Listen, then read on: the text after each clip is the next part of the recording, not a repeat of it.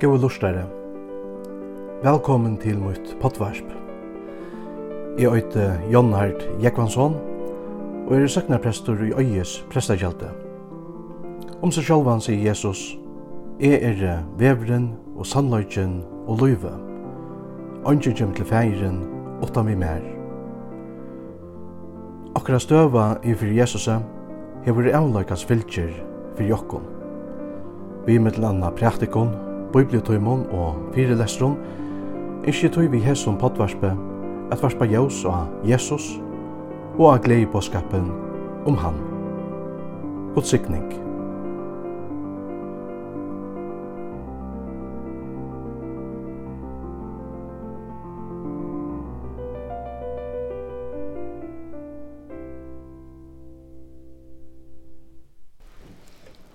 Og i evangelien har vi hørst læresvennerne bia Jesus som har gjeva tøymon møyre trygg.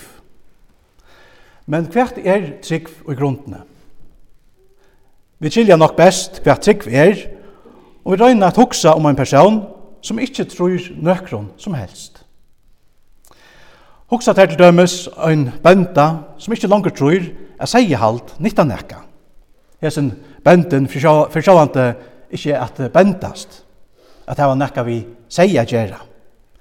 Et hugsa at det er en sjåmann som ikkje trur at han nytta nekka a fiska.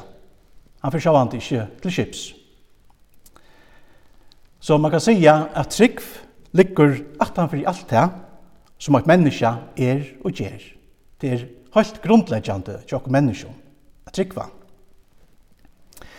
Jeg færre til dømes ikkje ombord og jeg flåfær, om jeg ikkje har gauar årsøkjer til at tryggva, at ein flåskipar øysni er ombord, så veit hva han gjer, og så meknar å få av flåfære opp i luftena, og føra meg allan vegin til mot ferramal. Om jeg ikke hei hessa trunna, så hei ikke færre ombord. Og i epistelen til henda dagen har vi hørst hvordan rithøvendren til Hebrearebravet lyser trunna.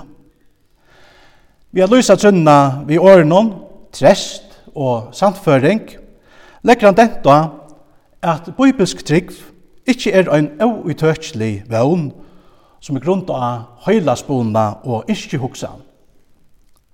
Tverstur møte er trygg fast anlit av Guds lyfter og Guds gjerningar. Vi trunnene skoa vi ikkje øynans skapande verskje, men òsni han som skapande verskje poikar av som skapanarverskje vittnar om. Etla så vidt har hørst i epistenon, vi trygg fæta vidt, at heimren er kipaur vikos åre, så at det, som sast, ikkje er vore til av tog som er tilkjent der. Bøypisk trygg er så stedt ikkje hitt blinda og anlite og et låp og i myskrenom. Et møte er bøypisk trygg hitt samførta og anlite av hinn evja god, som hever oppenbæra seg i sunnum skapanarverskje, i sunnum åre og i personen Jesus Kristi. Lukka som lærersvennerne kom til Jesus og boa og eller boa han eh, djeva tøym og møyra trygg, så er det òsne mange mennesker i det som kjenner av seg at de mangla trygg. Ikke minst ser man dette at mange ærlige, strujande mennesker som ikkje hava nekka anna hakre innskje og i hese ver, enn just hekta er kunna tryggva at tåra sindana fyrirgjeving, og at vera holdt vysui at hei er og godsbøten. Tei soffa og gremja seg og sia, hei er bare kunna tro, men hvert skal de gjera, ta det ikkje etnast kja mer at tryggva. God sier at jeg skal tryggva, men det er nemlig hekta som er avgjørligt for meg. Så avgjørligt at jeg akkurat det samme kunne rønta ferast til mannen som har tro. God sier i noen året at åttan, åttan trygg er det omøvelig at taknast gode.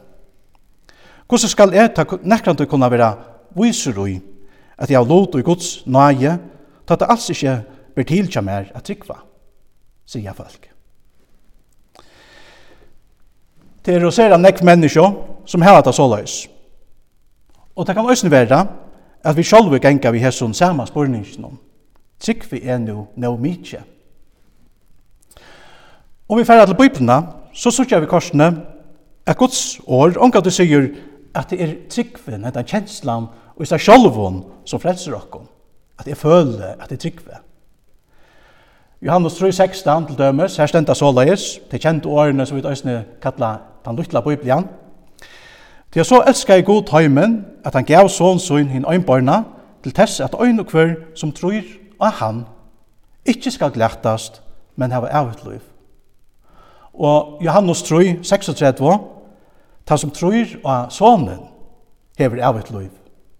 Og rammer er brevet 21, det er skriften sier, hvert han som tror, og han skal ikkje vera til skammar. Så her sykja vi til hesson trimon dømenon, at det er ikkje tryggven og seg sjolvon, men tryggven av Jesus, som er ta grunnleggjande. Tryggven av Jesus. Og i seg sjolvon hever tryggven ongan avgjerande tøytning fyrir jokkom, hette a føla vi tryggva. Her at møte hever hon øynast tøytning og jævsen hon av, kvært hon okna seg og kvært tryggven gruber hon. Altså, ta du spyrst, nær er jeg en kristen, så sværa god, ta du trust av Jesus. Og så ta du spyrst, hvordan gjeres det en kristen, så sværa han i sin åre, vi er trykva av Jesus. Det er korsen en egg som ikke suttje hekta. Det sier jeg ganske, jeg må hava trygg. Tryggven er jo en treit for å være frelstor. Men Hett mot uh, sier Guds år at det er tryggven av Jesus som er treiten for å være frelster. Tryggven av Jesus. Da vi tar oss om hvordan mennesker får lot i frelsene, så hevet det sånn at lydig jeg sier om en tror. Alt det treite av hvem en tror av. Man kan tryggva så nekk på. Om uh, lærersvennerne er langt og høtt og trygg fra, fra undan, så kan vi spørre, hvor blir jeg så Jesus som har gjeva taimon meire trygg. Vi har fått svære på tannspurningen, og vi østene hitje etter tog som er hent framan undan. Jesus har nemlig sagt nekka sera alvarsamt vi lærersvennerne. Bønt og æren til å komme til Jesus, vi, vi tar bøn om å få meira trygg. Jesus han sier, Det er omøvligt anna enn at møgnboer koma, men vøytøy som tar koma fra, Det er vært bedre fyrir han at ein minnestøyne var hongter om halsen av honom, og han var kastavur i havet, enn at han skulle være ein møgnbøye fyrir øynene av hesson smavo. Hittje om dykkur sjalvar, om brauer til sinter, ta hev eit honom, og om han irast, ta fyri djev honom. Og om han tjeifer om dagen sindar møtet her, og tjeifer kjemur aftur til døgn og sier, er irist, ta skal du fyri djev honom. Etter hese, hese alvarsom og årene fra Jesus er det at lærersvennerne så gjerne koma til hans herre og be han om å få meira trygg. Og det kanskje heldur ikke så løye. og i taimål første versen og jeg snir samme kapittel nå, til Lukas, er det særlig at trøymal så vil det understryka i fyrir jokken. For det første, at det ber herren om visser at vera i møgnbøye for det som hører Jesus til. For det næsta, det er avgjerande av fyrigjeva øron menneskjon. Og for det tredje, trygg er avgjerande og nekka av det måttmiklasta ui hesson heimnon. Det første malet som Jesus er inne i, er særa alvarsamt. Det ber herran domvisser at vera en møgnbøye fyrir de som hører Jesus til. Jesus smavo, som han kallar det. Kallar det. Hevas gleibåskaperen jøver til atler sindarar, så kommer Jesus korsene vi øynum vøyråpe iver öll teg, så ber han møgnboar iver hans herre elska og bøtten. Åre, møgnboie, kommer fra det griske åren skandalon. Vi kjenner det øyne fra skandala, skandalon. Og dette sier bare til øyne fettlo, øyne årsøk til snava, øyne årsøk til frosting og synd. Ein meinbøye kan til dømes være hekta at ein løyer ånder menneskje innu sint, visun ekno åron og gjerningo. Ein meinbøye kan eisen være hekta at ein høyt uh, utørslega røyner at være ein hindran tja tøymon kristne. Hese sint var heimse største trobare eisen sekerøy, og erna vendi om, sjåant. Tøy løyser Paulus sjalvan òsne vi hesson åren og sier, enn stedne, jeg er hin ringaste av apostelen, og jeg er ikke verdt å være kattlaver apostel, vi til at jeg forfylte Guds kyrkjelige, jottar han og sier. En ærestand sier han så løys, mer hinnom aller minste av øtlån høylavån, vær hentan nøyen given. Og så sier han òsne i øynestane, Jesus kom inn i høymen av fredsa syndarar, og tørra middelen er i fremstor. Vittnesborren tja Paulus viser okkon Jesu vilja og mått til at frelsa òsne teg som er kommet lengt bostur av løy, lukka som Paulus vær. Paulus, forfylgjaren og den største syndaren som han røpa seg sjálvan, møtte Jesus og var frelstor. Tøy kom vi ut òsne sida at frelsa er a møvløyke tja ötlun øron menneskjum. Herrans armor er ongantøy og stottor til å fressa menneskje. Ongantøy.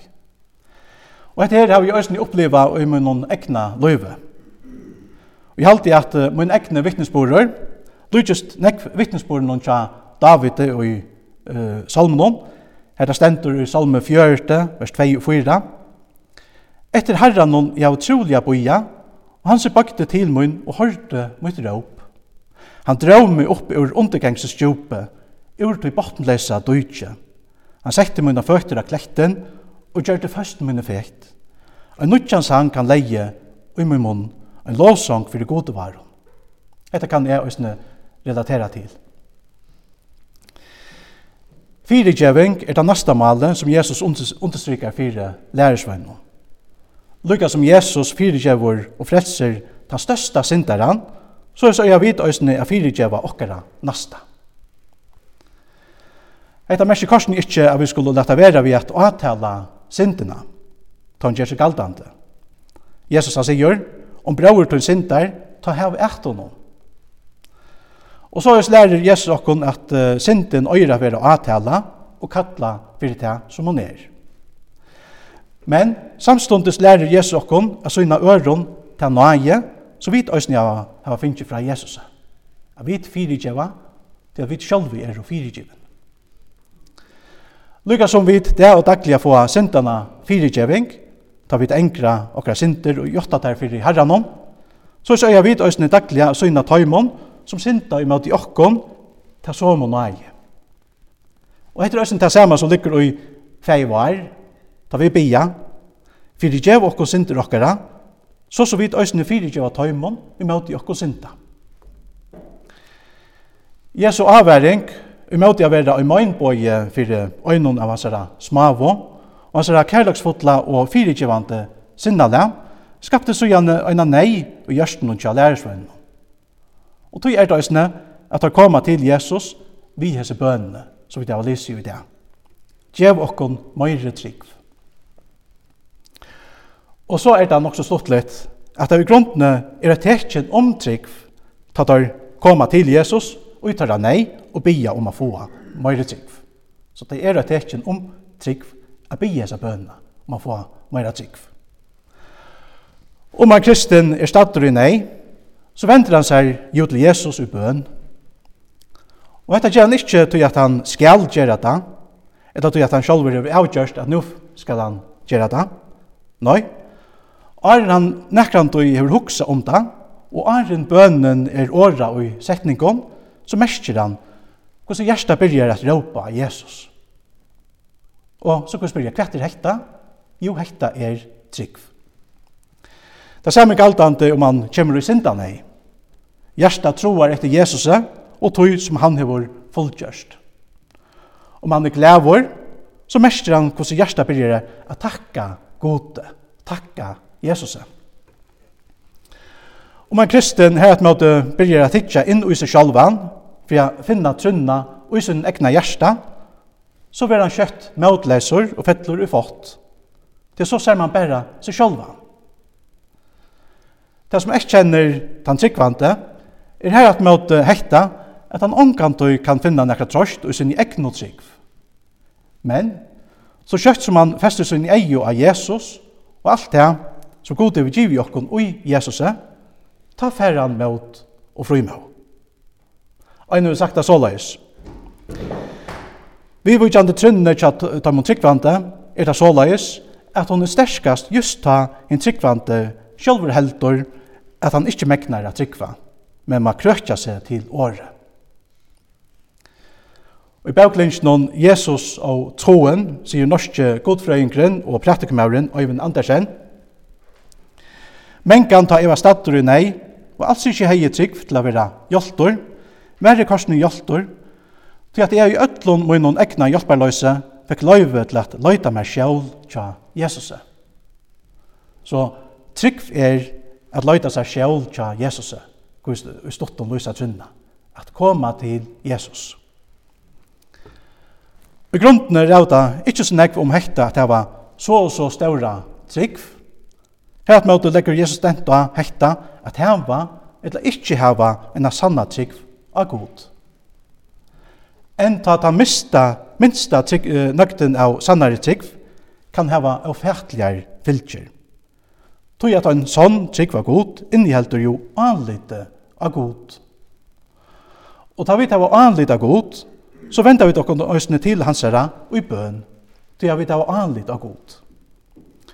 Og etter æsne just det som vi sutja i evangelieteksten i det. Og i tarra luttlo trygg, vent og lærersvennerne seg til Jesus i bøn om å få møyre trygg. Du tar lite av at han velja kom til hjelpa tøymon. Du venter tar seg til hans herre. Det blir større ting vi seg å vente seg til Jesus i bøn. Det må vi minnes til. Hva trygg vi kanskje er løytel som et sinnoppskapen. Sinnopskottene var nemlig kjent for å være sera løyte. Men høyast det var løyte, så vokste korsene til en sera stauran rund. Så lars inn i heldur og i okkara luttla trygg, samme vakstreir møvløyka som hitt luttla sinnopskottene. Og i okkara luttla trygg kjenner vi okkon måttleis, men just i okkara måttløse lyder vi korsene av måtten tja hinnon allmåttua etla som vi da sunnja. Her tryggv av god er til, hon syna seg ta vil, og i bøn av hoa høyta. Je her vil anden løyta, hatt møte himna sæle, og få av god og i tale.